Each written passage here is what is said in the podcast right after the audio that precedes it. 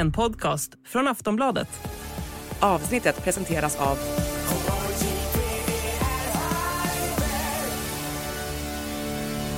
Stödlinjen.se, åldersgräns 18 år.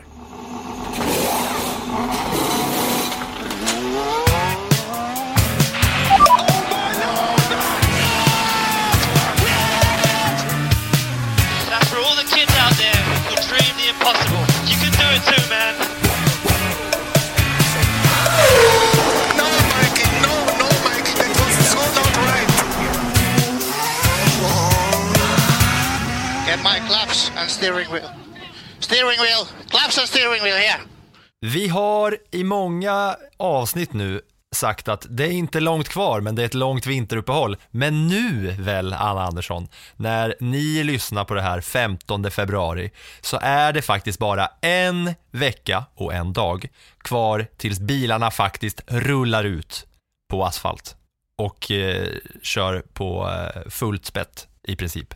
Anna, Det är faktiskt så. Det den här vintern som har känts så otroligt lång. Nu, nu börjar det nästan bli så att det är lite stressigt att hinna med allting. Vi ska få ut en F1-bibel på Sportbladet. Vi ska få ihop alla bilar, alla bilder och eh, hinna följa testerna också. För det är först när de är på testerna som man faktiskt får någon form av känsla för vad det egentligen kan tänkas bli.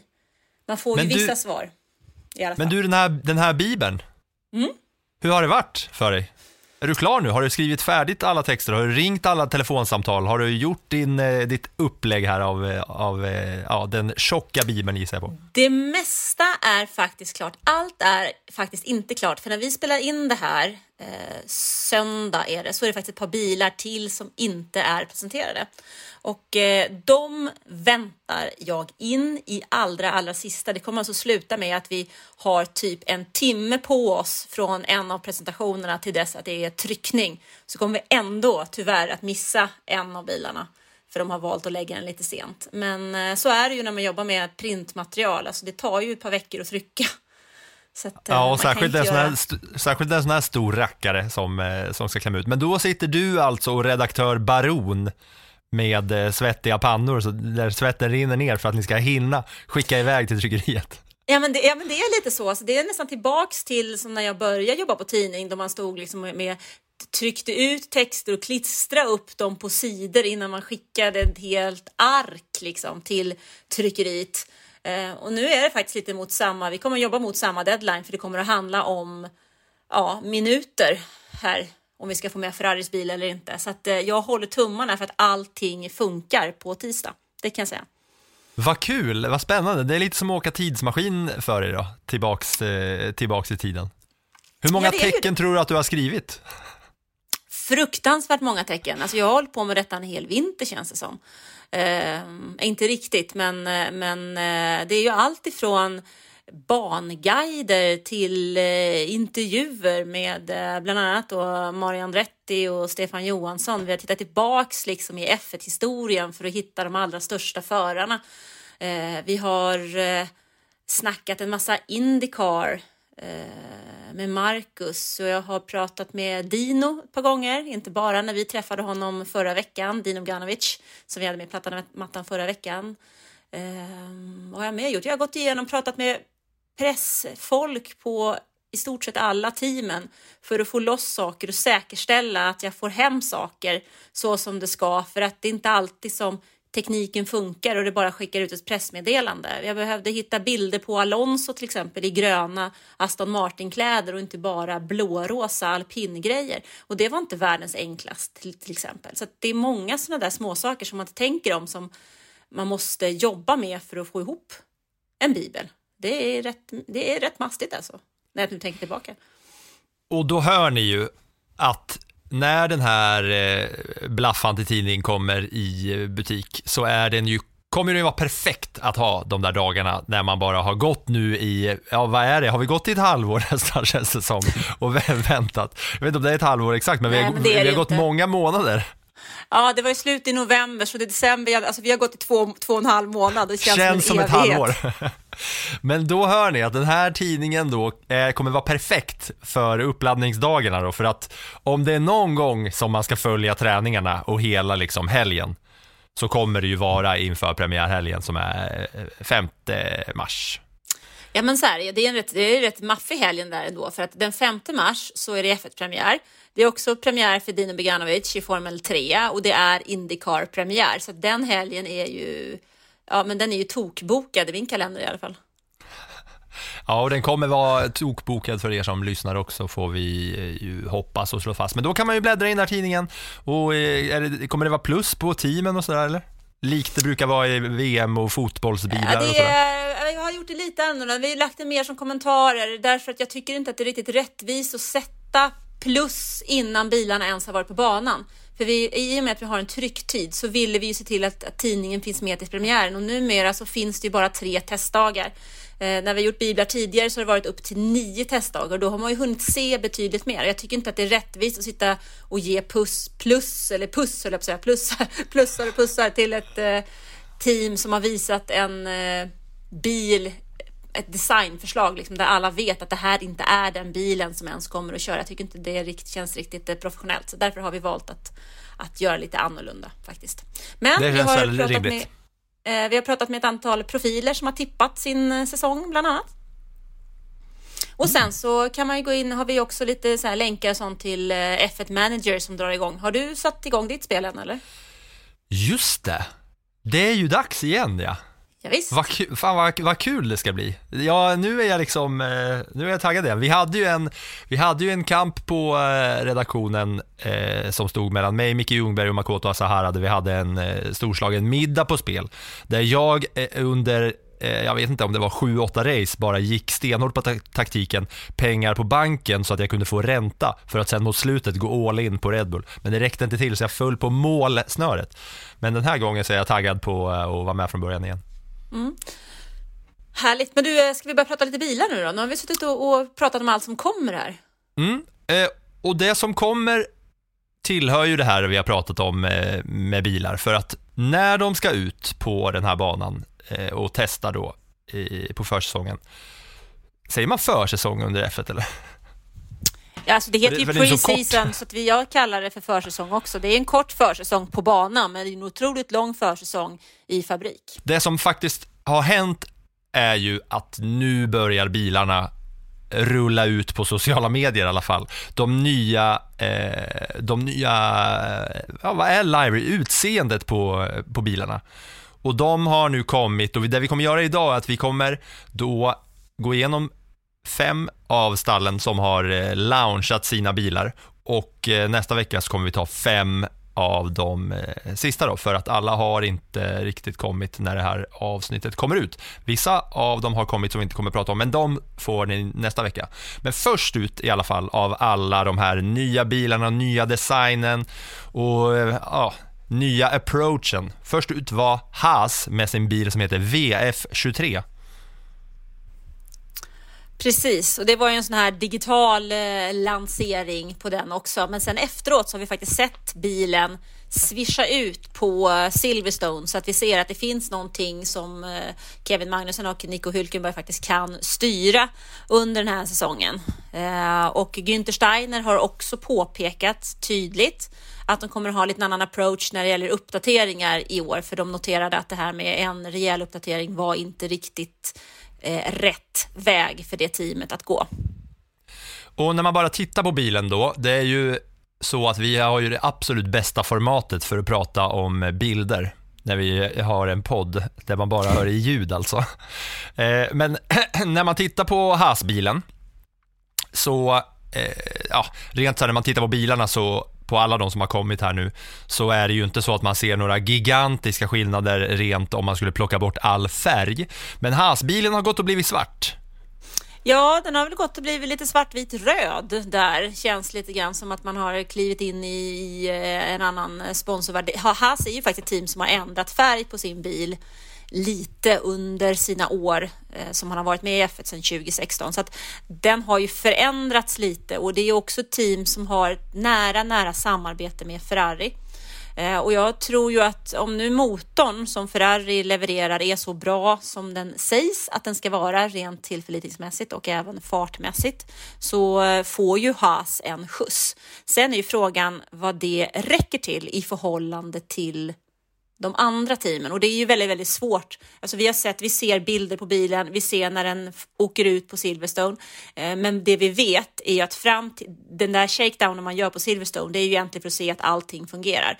För sen när man kommer till testerna i Bahrain nästa vecka så kommer det ju att Eh, vara annorlunda. Då har man plockat lite andra saker på bilen och fram till premiären så är det ytterligare andra saker. Så man ska ju inte tro att den bil som vi ser när de presenterar är någon slags, det är den här bilen de ska köra med. Så är det absolut inte.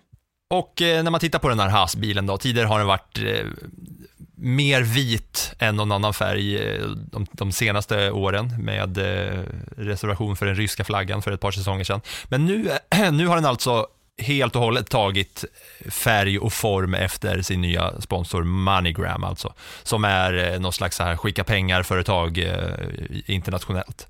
Och den är liksom nästan svart helt och hållet, röd på bakvingen, röd på framvingen och sen lite vit uppe på nosen. Inte mycket mer eh, än så. Så det blir ju stor skillnad hur man, hur man kommer eh, se eh, bilen i alla fall. Det var ju, den var ju nästan helvit förut. Ja, nej, men jag kan tycka att den ser rätt snygg ut faktiskt. Jag tycker det där eh, svarta går snyggt med däcken. Ja, ja det, jag har, det är svårt att, jag har svårt att anpassa mig i eh, hjärnan här till det här, till det här nya. Det, eh, det ser lite konstigt ut tycker jag. Men eh, rent tekniska ändringar finns det inte så mycket att säga om va? Inte om någon Alltså, av bilarna. Nej, men det rent gör så här, det inte. hur, de, hur de ser ut så att säga. Nej, men det gör det ju inte eftersom reglementet är i stort sett samma som vi hade förra året. Inför förra säsongen var det ju en väldigt, väldigt stor regeländring. En, ja, en enorm regeländring, kanske den största på ja, väldigt många år, i alla fall vad jag kan minnas. Så säg en 30 år i alla fall i F1-historien. En jättestor regeländring. I år blir det ju allting en utveckling av den. Det man har tittat på och förändrat lite, det är ju när det gäller porpoising, det vill säga det här hoppande fenomenet som eh, dök upp oväntat, vilket var, kanske var lite märkligt egentligen med tanke på att man har ground effect-bilar numera. Um, och där har man gjort vissa förändringar från Fias sida för att undvika det skuttandet. Men annars så är det ju inga större regeländringar, vilket gör att eh, bilarna Ja, det, allting är ju evolutioner, det är ju utvecklingar av. Det är till och med så att bilarna skulle ha blivit eh, lättare till den här säsongen, men det blir de inte därför att däcken är lite tyngre. Så att eh, de ligger kvar på ungefär samma vikt. Mm, då lämnar vi Haas och går vidare till nästa bil som också har eh, transformat i ett eh, svartare, i, till en svartare skepnad och det är Alfa Romeos C43 som det heter, Cesar 43. Eh, den var ju tidigare röd baktill, vit framtill. Nu är den röd baktill, svart framtill. Och vi kommer återkomma till det, det är mycket mer svart den eh, kommande säsongen. Eh, men ehm, där, är, där eh, ser man ju också stor skillnad på rent utseendemässigt hur, hur bilen ser ut vid första anblick så att säga. Ja, men det gör den. Det, det känns lite så här knasigt egentligen nu att sitta och prata om att det här, kan det här vara den sista Alfa Romeon i Formel 1? Och det är inte så många år sedan Alfa Romeo faktiskt kom tillbaks till F1 och bara på några par år så har man vant sig. Gud, är det här den sista? Och hur mycket kommer Audi som, som kliver in och redan har börjat, börjat köpa in sig i teamet? Då? hur mycket kommer de att diskutera och ha med att göra? För det här är faktiskt en, en bil som kör med en motor från Ferrari, vilket de kanske också kan dra nytta av då, om den motorn är bra. Men eh, det som är lite intressant, eller ska bli intressant att se, det är ju om bilen är mer allround än vad den var förra året. För då var den ju bäst på mer långsamma banor. Och frågan är ju om den har, eh, de har lyckats utveckla eller förbättra de svagheterna så pass att den eh, blir starkare. För den andra halvan av säsongen förra året var ju dålig från Alfa Romeos sida. Jag tänker på när man kollar på de här färgerna och du droppar namnet Audi och sådär med hela den eh, också transformationen. Audis Rally Dakar-bil hade ju samma färger, lite mer svart och grå men också svart och röd. Eh, och då tänker jag, aha, det kan väl inte ha något, eh, de kan väl inte ha något samröre med varandra här rent färgmässigt, att övergången ska bli så. Sauber ska gå från Alfa Romeo till Audi.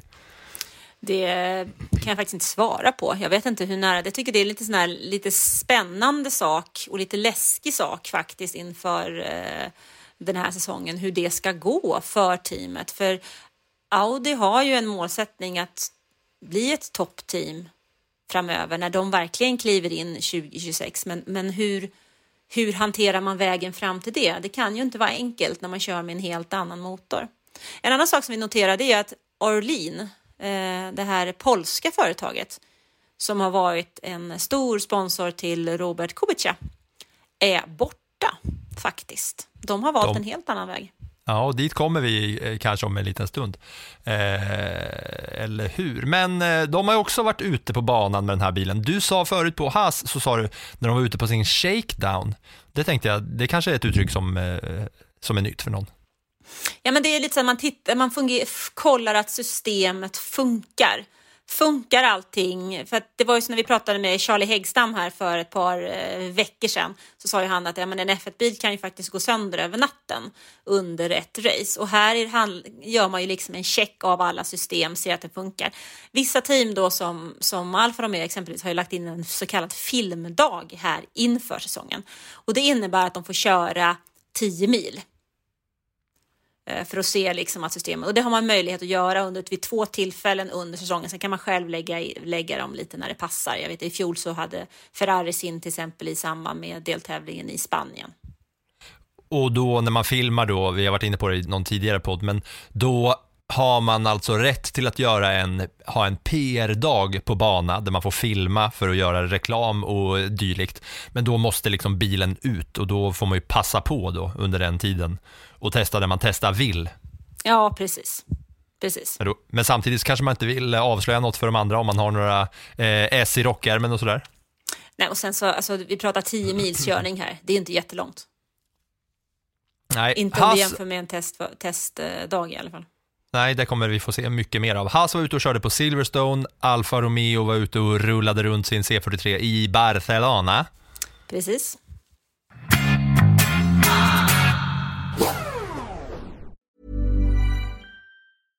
Finding your perfect home was hard, but thanks to Burrow, furnishing it has never been easier. Burrow's easy to assemble modular sofas and sectionals are made from premium, durable materials, including stain and scratch resistant fabrics. So they're not just comfortable and stylish, they're built to last. Plus, every single Burrow order ships free right to your door. Right now, get 15% off your first order at burrow.com slash ACAST. That's 15% off at burrow.com slash ACAST.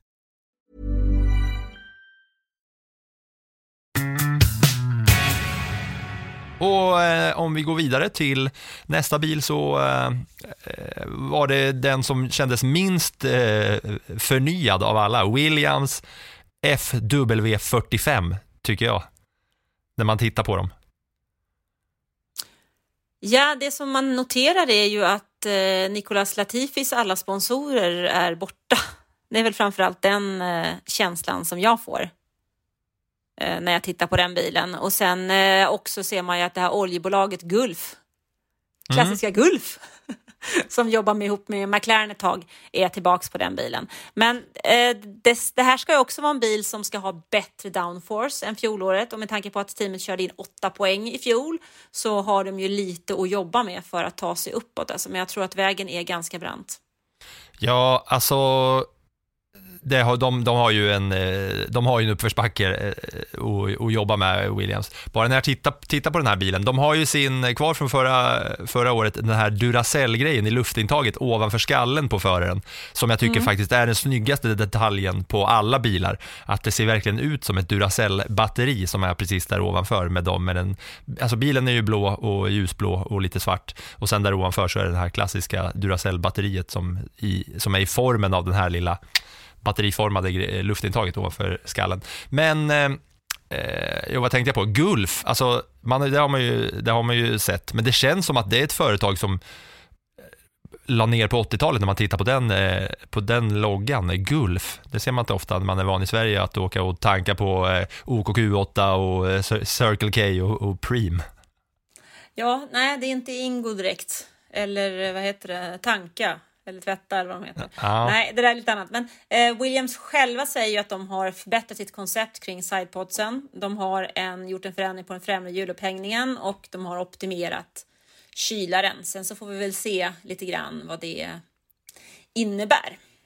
Jag kollade lite på, så här jämförelsebild som Williams själva la upp, årets bil jämfört med förra bilen. Så här.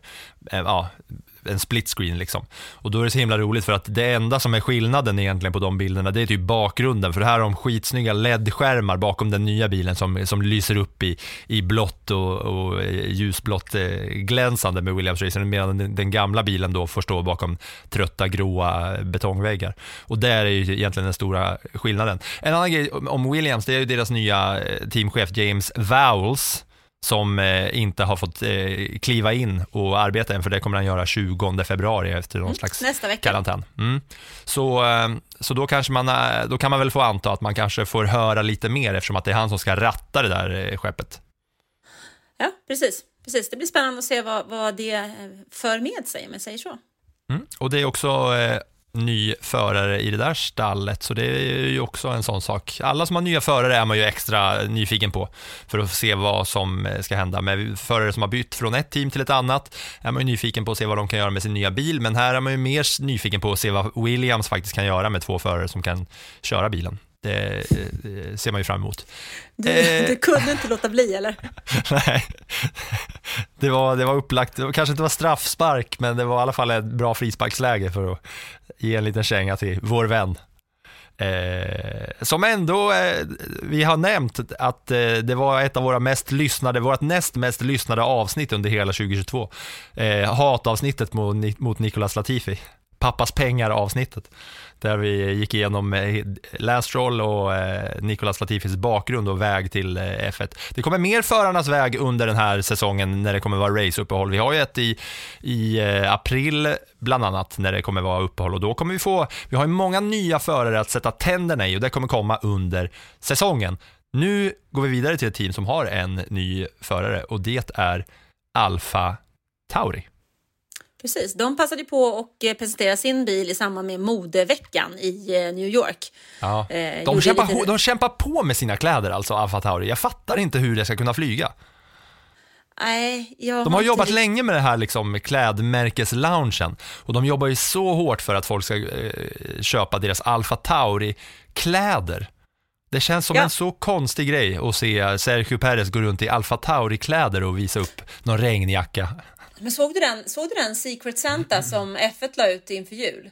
Där det var förare som skulle dela ut julklappar till varandra. Nej, där är det i alla fall så att en av förarna i Alfa Tauri, man fick ju inte reda på, eh, alltså man får inte reda på, man ser någon som öppnar ett paket och sen så får man reda på vem som då har gett det här paketet. Och en av förarna i Alfa Tauri, jag kommer inte ihåg vilken, har alltså skänkt en eh, tröja från Alfa Tauri. Det kändes ungefär som att jaha, men vänta lite, han gick in i hospitality och plockade någonting från eh, hörnet och gav bort i julklapp. Ja, det, är ju eh, det är ju inte de roligaste kläderna. De känns väldigt, väldigt vanliga och det är så svårt att se hur då ett eh, F1-märke som ska slå sig in på klädmarknaden. Men om vi går tillbaks då, om vi snackar design och mode, så har ju de inverterat sina färger på sin bil här. Om man kollar där bak där själva Alfa Tauri-loggan var förra året så, så, så är den inverterad. Förra året så var eh, tjuren i eh, vitt och nu är den i mörkblått. Men hit har ju eh, Orlin, eller Orlen, som vi eh, konstaterade hade lämnat eh, Alfa Romeo. De har bytt Alfa-team och nu är de hos eh, småtjurarna istället, där de har sin stora logga. Och där ser det ju verkligen ut som att hela designen var klar på bilen och sen typ en halvtimme innan de skulle reveala den här bilen och visa upp den, dra bort skynket, så kom de på, helvete, fan vi har ju glömt att sätta på Orlen eh, eh, stickers. Ja, sy ihop något nu, släng på på bakvingen och lite på fronten där och ovanför på, på halon. Kör på lite rött där nu så vi kan få våra pengar från, från polackerna. Det känns att gå tillbaks lite grann till den, eh, för när de hette Scuderia Toro Rosso så var det ju mycket rött och blått eh, med lite gult i och det här röda. De var ju skitsnygga, Alfa, eller Ja. Toro Rosso-bilarna. Ja, men den här, den här röda punktinsatserna kan man väl kalla det för, eh, gör ju att man får en känsla av att det är det teamet. Sen är det ju inte vackert alltså. Det är lite precis som du säger. Det känns som någon som har tryckt på bara loggan här på några ställen för det skulle passa. Ja, i missa det. panik, i panik, precis innan. De bara, äh, vi har de här klisterlapparna, vi måste på med dem någonstans. Ja, passar den där bak? Nej, inte riktigt, men släng på den ändå. Den går inte hela vägen ut. Och så på sidan. Ja, den är ju, det är ju Alfa Tauri. Vad är det för färg, den här eh, mörkblåa av något slag? Den är ju mörkblå. Marinblått, typ? Ja, marinblå. Marinblå och vit. Och sen bara schmackpung, rött från ingenstans. Med lite röda detaljer. Men det här är ju också team som behöver eh, jobba lite. Alltså de hade ju jätteproblem med att hitta downforce i fjol och de kom nia. Och med tanke på att det är Red Bulls systerteam och Red Bull dominerade ju hela säsongen så deras juniorstall eller systerteam då kommer näst sist i konstruktörsmästerskapet. Det är ju faktiskt uruselt. Um, och de började utvecklingen av bilen väldigt, väldigt tidigt. Alltså de var inne i vindtunneln redan i juli. Så att förhoppningsvis så har de väl utvecklat den här bilen på ett sätt som gör att den kan vara med betydligt mer mitt i fältet så vi inte bara behöver höra Yuki Tsunoda skrika ut sin frustration över någon stackars mekaniker i andra änden. Ja, det kanske han gör ändå, för Frans Tost, eh, den gode chefen för Alfa Tauri, han har varit ute och sagt att eh, Tsunoda har ett eh, tydligt mål för den här säsongen och ett krav på sig att score many more points than he did last year. Han ska alltså ta många fler poäng. Så ospecifikt specifik har Tosten varit mot Tsunoda då- som är då Då, då ska vi komma ihåg att Tost har varit chef för det där teamet sedan typ 2006. Så han har väl lite erfarenhet när han sätter sina målsättningar till olika typer av förare vad de ska klara av. Och Tsunoda gör sitt tredje år i teamet. Alltså år tre, nu är det ju dags liksom att, att växa upp och leverera, kan jag känna. I den här nya fula bilen då, som kanske kommer få några små designändringar, man kanske gör så att det inte ser ut som att det är klistermärken utan istället som att det är integrerat med eh, den här bilen ful som den är eh, just nu. Va? De har också hakat på den här trenden att eh, bilen ska bli lite mörkare. Det kommer bli ett väldigt mörkt startfält när, för Alfa Tauri, även om den var liksom marinblå så var den ju ändå en av de ljusare rent på färgskalan. De har också den här säsongen fixat lite små detaljer på fälgarna. Det är ju några som har gjort, eh, som gjorde redan första säsongen, hade, hade lite, eh, lite design eller sponsorer på de här eh, hjulfälgarna. Framförallt tänker man på Google-färgerna på McLaren-bilen då kanske. Men här har de gjort ett litet fult försök till något som ska se, lite fartigt ut. Men sen är det väl bara en bil kvar att prata om, va, Anna? Ja, men det är det väl. Det är väl den stora tjuren. The reigning champ. Alltså såg du den, såg du den lanseringen?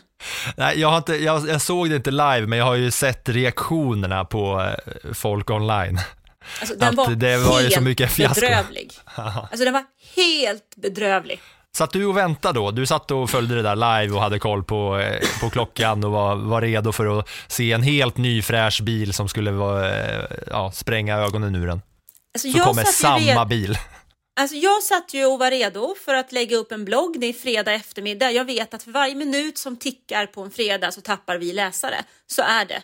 Fredagar är en, en dålig eh, dag för integrering på nätet. Så kan man väl säga. Eh, Snyggt och modernt. eh, Ja, så jag satt där liksom och väntade och väntade och då, den här förbannade eh, lanseringen startar och det händer ingenting och de intervjuar folk som kör eh, skateboard och snowboard och aldrig förut någonsin någonsin har pratat inför mer än två människor samtidigt som häver ur sig helt. Alltså det var som man jag bara känner att, men herregud, vad, vad händer? Vart tar tiden vägen? Vad lägger man fokus på? Hade jag inte behövt jobba med det där så hade jag ju stängt av för länge sedan. För den första halvtimmen var ju ett sömnpiller.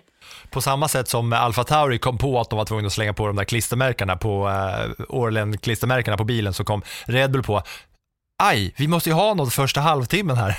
Hallå, finns det någon här i kulisserna som kan snacka lite? Du, hallå, vad gör du? Ah, jag kör skateboard. Ah, upp på scen. upp Ja, och det kackla. kunde, alltså, helt fullständigt ointressant liksom. Det var så dåligt. Sen så kommer bilen in. Och då är det fjolårets bil som har fått lite ny färg. Alltså det var ju alltså det var kalkon.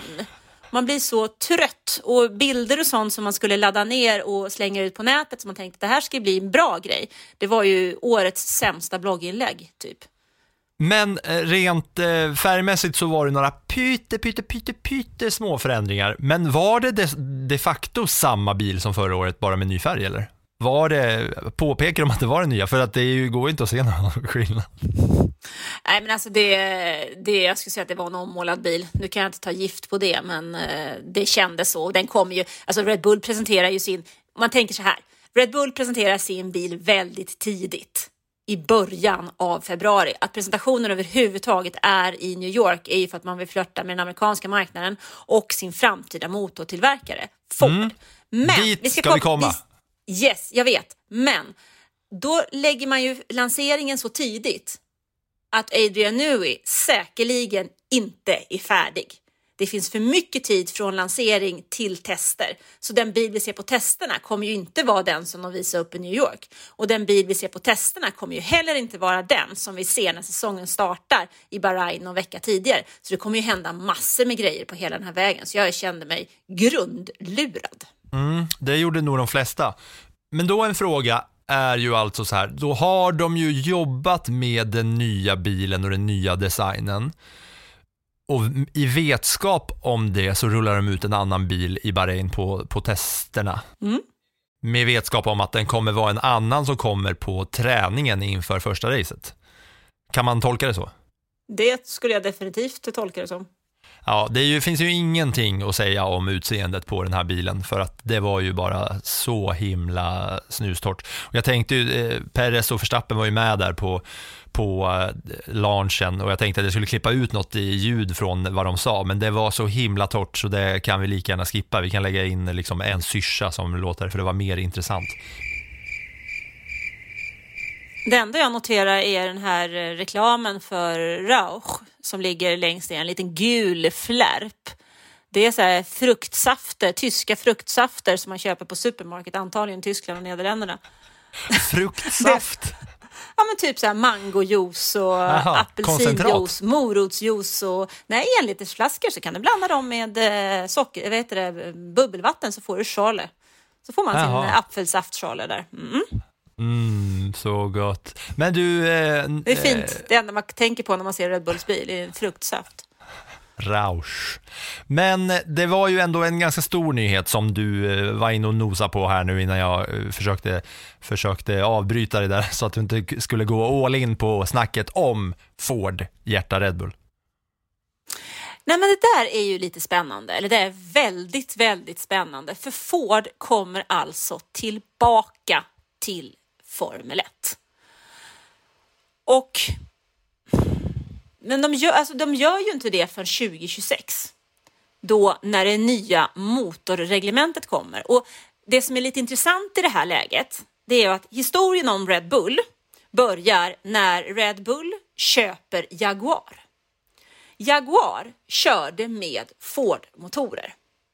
Och att de inte fortsatte i F1 berodde på att Ford inte, det, det var ingen vidare framgångsrik satsning, så Ford ville inte lägga ner mer pengar och då sålde man teamet till Red Bull. Och det var det också som kostade Björn Wirdheim hans F1-karriär, för han var testförare hos Jaguar. Eh, så, att, så att de här två har ju en viss eh, kombo, så de har funkat, eller liksom Red Bull och Ford, ja, plus att de har jobbat ihop i andra motorserier också då, men, men Ford kommer ju faktiskt hem till sitt gamla team, faktiskt. Um, och det som är lite spännande i hela det här konceptet, det tycker jag är det nya motorreglementet. Jag vet inte, vi har ju pratat om det hit och dit med Audi och Ford och så vidare och vi pratar om Porsche, men vi kanske ska gå igenom lite grann vad det är som faktiskt händer. Ska vi det? Ja, det tycker jag kan vara en eh, bra idé om du har bra koll på läget.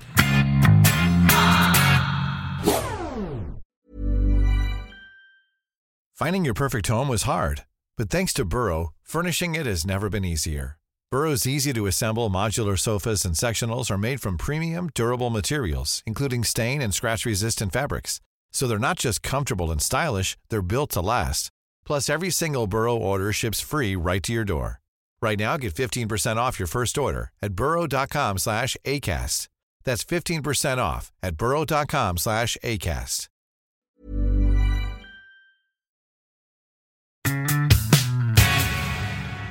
Ja, men eh, ge oss, en, eh, ge oss en liten sammanfattning då, eller lite eh, grundförutsättningar för vad, vad det här med motor handlar om. För det, det är ju en det är ju en djungel om man inte har superkoll på eh, alla paragrafer och papper och hur det ligger till. Eh, jag tror nog att kanske inte varenda människa vet att eh, till exempel Ferrari gör motorer åt massa olika stall och Red Bull har haft olika motortillverkare de senaste åren och allt sånt där.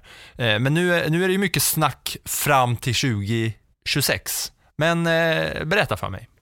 Ja, men om man tittar på hur det ser ut idag så har ju Mercedes levererar ju motorer eh, till sitt eget team, men även till eh, Williams, till McLaren och till eh, Aston Martin. Det är väl där de levererar sina motorer. Sen har du eh, Red Bull Powertrain som ju är en förklädd Honda. Det är en Honda i förklädnad. Eh, den levereras ju då till Red Bull och till Alfa Tauri. Vi har just nu också Renault som levererar motorer till Alpin och sen har vi Ferrari som kör då Ferrari, Haas och Alfa Romeo. Det var väl dem, fick jag med rätt antal nu? I Det fick, tio, du, det fick du säkert. Ehm, och sen är det ju så att det var en regel, senaste regeländringen var 2014 och sen kommer en ny regeländring 2026 och det är en, en, en nästan en motorrevolution kan vi säga. Därför att då ska 50 procent av kraften komma från en elmotor och de andra 50 procenten från en förbränningsmotor som har ett 100 procent fossilfritt bränsle. Och det betyder att den framtida motorn bara kommer att använda ungefär hälften så mycket bränsle som en F1-bil gjorde 2013. Om man tar fram det här fossilfria bränslet då eh, med hög prestanda för det också så småningom ska kunna användas i vanliga personbilar. Tänk om de skulle lägga alla de här pengarna de lägger på att forska fram så att F1-bilarna ska förbruka mindre bränsle. Tänk om de alla bara teamen hade gått ihop med samma summor för att ta fram eh, bränsle eller liksom alternativa eh, energifaktorer till flygen som transporterar hela F1-cirkusen och lastbilar och grejer. Vad Mm, mycket bättre det hade varit för eh, miljön i stort än de facto eh, vad man ska säga, som det dras ner då, miljö, eh, hur, hur det påverkar miljön med bilarna. Mm, Men det kommer, det kommer ska jag säga. För att 2030 ska faktiskt eh, F1 vara klimatneutralt och flera av de här eh, Alltså DHL som sköter logistiken har investerat i flygplan, nya flygplanstyper som har en högre andel ehm, fossilfritt bränsle. Så det kommer, det kommer. Det, det, det pågår ett jobb. Men om man tittar på motorn så kommer det här nya motorlever, eh, motorreglementet då, eller motorreglerna att de levererar, eh, ska öka antal, andel el, men vi pratar fortfarande om 1000 eh, häftkrafter. Den här nya MGUK som vi pratar om ibland ska vara kvar, men däremot försvinner den här MGUH om det är någon som är intresserad av den biten. Men det som framförallt är intressant att till eh, 2026 så kliver Ford då in som ny motorpartner till Red Bull. De inleder ett partnerskap. Eh, inte på något sätt köpa in sig i stallet eller så, utan de ska bli partners. Medan Audi som går in eh, och ska jobba med Sauber, de har redan nu börjat att köpa andelar av Sauber Group som är företaget bakom F1-stallet Alfa Romeo. För Alfa Romeo är i nuläget egentligen bara en namnsponsor. Så eh, Audi håller på att bygga ut sitt motor, eh, sin motorfabrik egentligen som ligger i någonting som heter, heter Neuberg am Donau eller någonting sånt i södra Tyskland, inte allt för långt ifrån Schweiz. Så det där blir en, ett, ett gemensamt team liksom med en motorfabrik och en chassifabrik, lite som Mercedes har också. Sen pratas det faktiskt också om att Honda kan vara på väg tillbaka. Honda har ju nu jobbat med Red Bull i ett par år, men de lyckades inte hitta någon lösning, smidig lösning fram till 2026. Men däremot pratas det om att McLaren och Honda redan har haft sina första möten och frågan är vad det kan ge. Det var ju ett väldigt, väldigt framgångsrikt samarbete på den tid när förare som eh, Ayrton Senna och Alain Prost körde F1, men det var ju en katastrof när Alonso körde för eh, McLaren. Han gnällde på den där motorn så japanerna blev väldigt, väldigt eh, ledsna i ögat. Det var väl mellan 2015 och 2017 om jag inte minns helt fel. Alltså det är ju som sagt, det är ju tre säsonger till som ska köras innan det här. Men att så pass många teams redan nu har så mycket kommunikation utåt om vad som ska hända 2026 är ju intressant på något sätt. Eh, och just det här med det elektroniska och det tekniska. Horner sa ju när han pratade om hela det här eh, partnerskapet med Ford så sa han att det här är ett true strategic technical partnership. Det är ett äkta strategiskt tekniskt partnerskap där Ford kommer eh, assistera med eh, batteri och hybridteknologi och mycket mer som ska hålla, oss Red Bull eh, framför alla andra i, tävlingen. Och där har de väl mer liksom ska man säga, bakgrund och kunskap från sina bilar som man har jobbat på, som alla andra vanliga biltillverkare jobbar på, övergången till elektroniska ja, komponenter mer och sådär. Men ja, det är ju lite spännande med motorerna framöver, även fast det inte påverkar den här säsongen nu. Det är lite, lite skoj blir det ändå om vi kan få ihop sex motortillverkare till 2026. Det har det faktiskt inte funnits i F1 sedan 2008. Mm, det, det blir mycket intressant och spännande.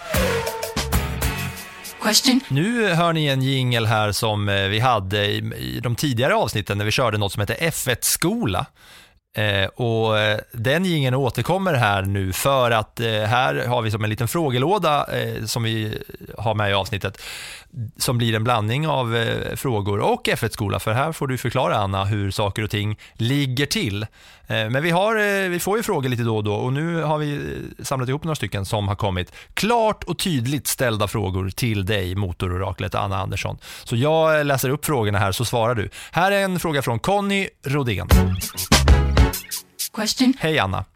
Jag har hört ett rykte gällande Nico Rosberg, eller som du säger, Nico Rosberg. Tydligen eh, räknade han vikt på muskler i vaden och omvandlade det till varvtid. Du får gärna bekräfta i podden ifall det stämmer och gärna vad han mer gjorde för att äntligen slå Lewis Hamilton. Då. Eh, genom att han slutade så borde han även optimerat den psykologiska biten. Det är första delen av frågan. Vill du ta den först? Vi, finns en vi, tar, vi tar den först så att jag kommer ihåg vad jag ska svara. Um, då säger vi så här, hej hej Conny, tack för frågan. Uh, just när det gäller vaden, den kan jag varken bekräfta eller uh, dementera. Men Nico Rosberg var otroligt tydlig med just vikten. Under det sista året som han körde i Formel 1 2018, alltså han, om man tittar på hans tidigare delar av karriären så hade han en gul hjälm. De sista åren så hade han en svart hjälm. För det gjorde att det vägde alltså 80 gram mindre, för då körde man med karbonfibret. Eh, så det tog han bort. Han åt, man såg honom ofta äta typ kall råpotatis. Han var otroligt noga med vad han åt och hur mycket han åt för att spara varvtid. Han hade inga långa strumpor på sig. Han hade bara korta strumpor för han sparade något gram per ben per strumpa med att istället för att ha vadhöga strumpor så hade han ankelstrumpor. Och under sommaruppehållet så slutade han faktiskt att cykla för han insåg att han behöver gå, med, gå ner lite mer vikt över låren. Han behövde gå ner runt ett kilo vikt.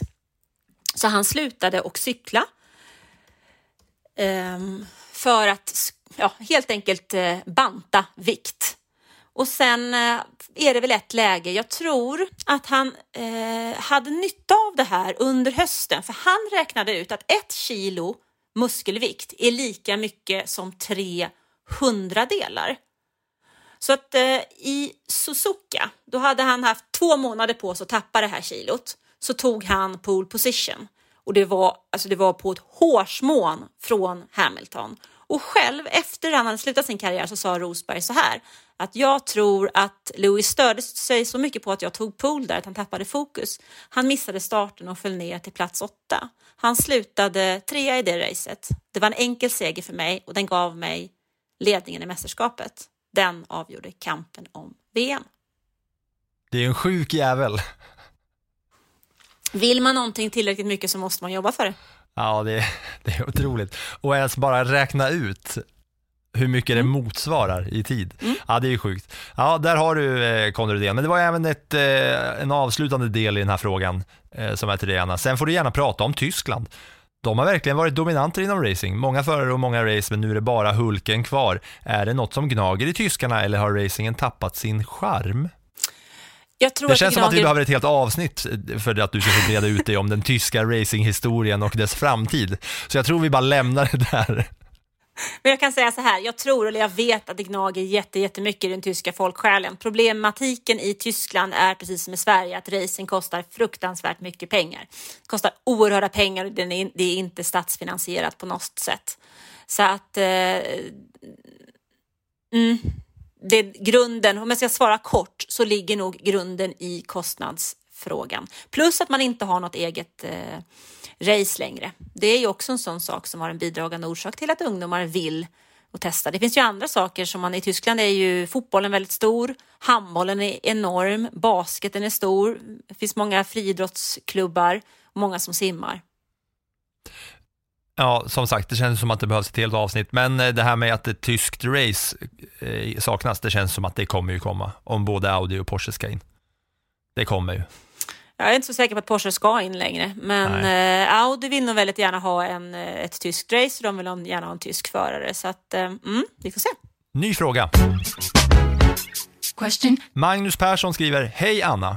Varför presenterar Red Bull och Alfa Tauri i New York? Är det inte eh, väl mycket PR? Det där handlar ju enbart om PR. Red Bull presenterar i New York för att presentera samarbetet med Ford. Alfa Tauri presenterar i New York för att eh, ge fokus till sina kläder i Alfa Tauri. Den amerikanska marknaden har ju nu bara öppnats lite med hjälp av eh, Drive to Survive. Vi har tre lopp i USA och det är faktum, tänker jag, att Red Bull har Daniel Ricciardo som eh, testförare och han ska åka runt och göra en massa jippon i USA för att dra ännu mera fokus. Så att eh, PR, PR, PR skulle jag säga. Ja, där har du Magnus Persson. Och en eh, sista fråga här då. Question Albin Nilsson skriver, Hej Anna, tack för en bra F1-podd. Jag är ganska ny i sporten. Hur många svenskar har tävlat i F1 och vem är nästa svenska förare i F1? Är det Marcus Eriksson som kan komma tillbaka eller finns någon annan? Här vet jag att du har ett dundersvar. Det har eh, varit tio svenska förare som har tävlat i Formel 1. Marcus Eriksson är den senaste, men han befinner sig numera i Indycar. Han vann Indy 500 förra året och jag har väldigt svårt att se att han kommer tillbaks till F1 för att han gjorde inga vidare res- resultat där, men han har verkligen etablerat sig i Indycar så han kommer nog stanna där så länge han har möjlighet att göra det. Och jag bryter in eh, där Albin Nilsson, om du inte har hört vårt avsnitt med Marcus Eriksson, där vi sitter och snackar med honom i typ en timme, så eh, kan du ju gå tillbaka några avsnitt och lyssna på när jag och Anna pratar med Marcus Eriksson om bland annat eh, hans syn på hela det här. Det där skulle jag precis säga Filip, men nu hann jag inte klart. Nej, vad bra, tur att vi eh, tillsammans kunde svara på det, för att eh, vi är, jag, jag känner mig ändå som en liten del av podden när Albin Nilsson här tackar för en bra podd.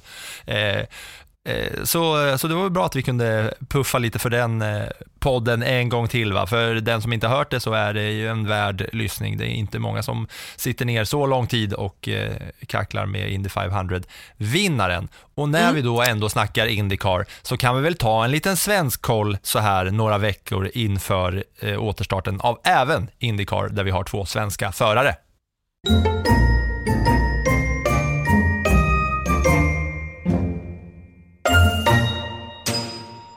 och de senaste testerna avgjordes i slutet av förra veckan och där var faktiskt Marcus Eriksson i topp. Han var typ en sekund snabbare än vad Colton Herta var dagen innan på deras tester inför säsongspremiären som avgörs i Sankt Petersburg, Florida den 5 mars. Men en annan kul nyhet faktiskt när vi pratar om Indycar, det är det hållbara bränsle som de faktiskt har testat. 100% på fossilfritt tillsammans med eh, Shell tror jag att det är. Eh, det gör att eh, de kommer köra helt fossilfritt bränsle under hela säsongen 2023. Vi pratade ju om att F1 ska göra det från och med 2026. Det blir ju en jäkla helg när F1 drar igång, Indycar drar igång och F3 drar igång. Det har vi att se, se fram emot. Och nästa vecka, när, då kommer vi gå igenom eh, fem bilar till som har då eh, launchat. Eller hur? Visst är det så att alla har kommit då nästa vecka? Kanske inte en bil va? Jo, nästa vecka eh, så kommer ju alla bilar ha kommit för Ferrari är den som sist släpper sin alla bil. bilar har kommit när vi snackar nästa vecka och då får vi även besök i podden.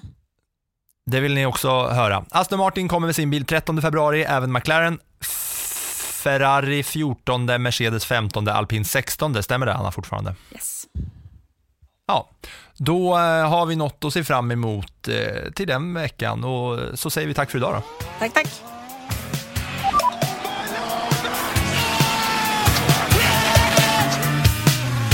For all the kids out there who dream the impossible. You can do it too, man.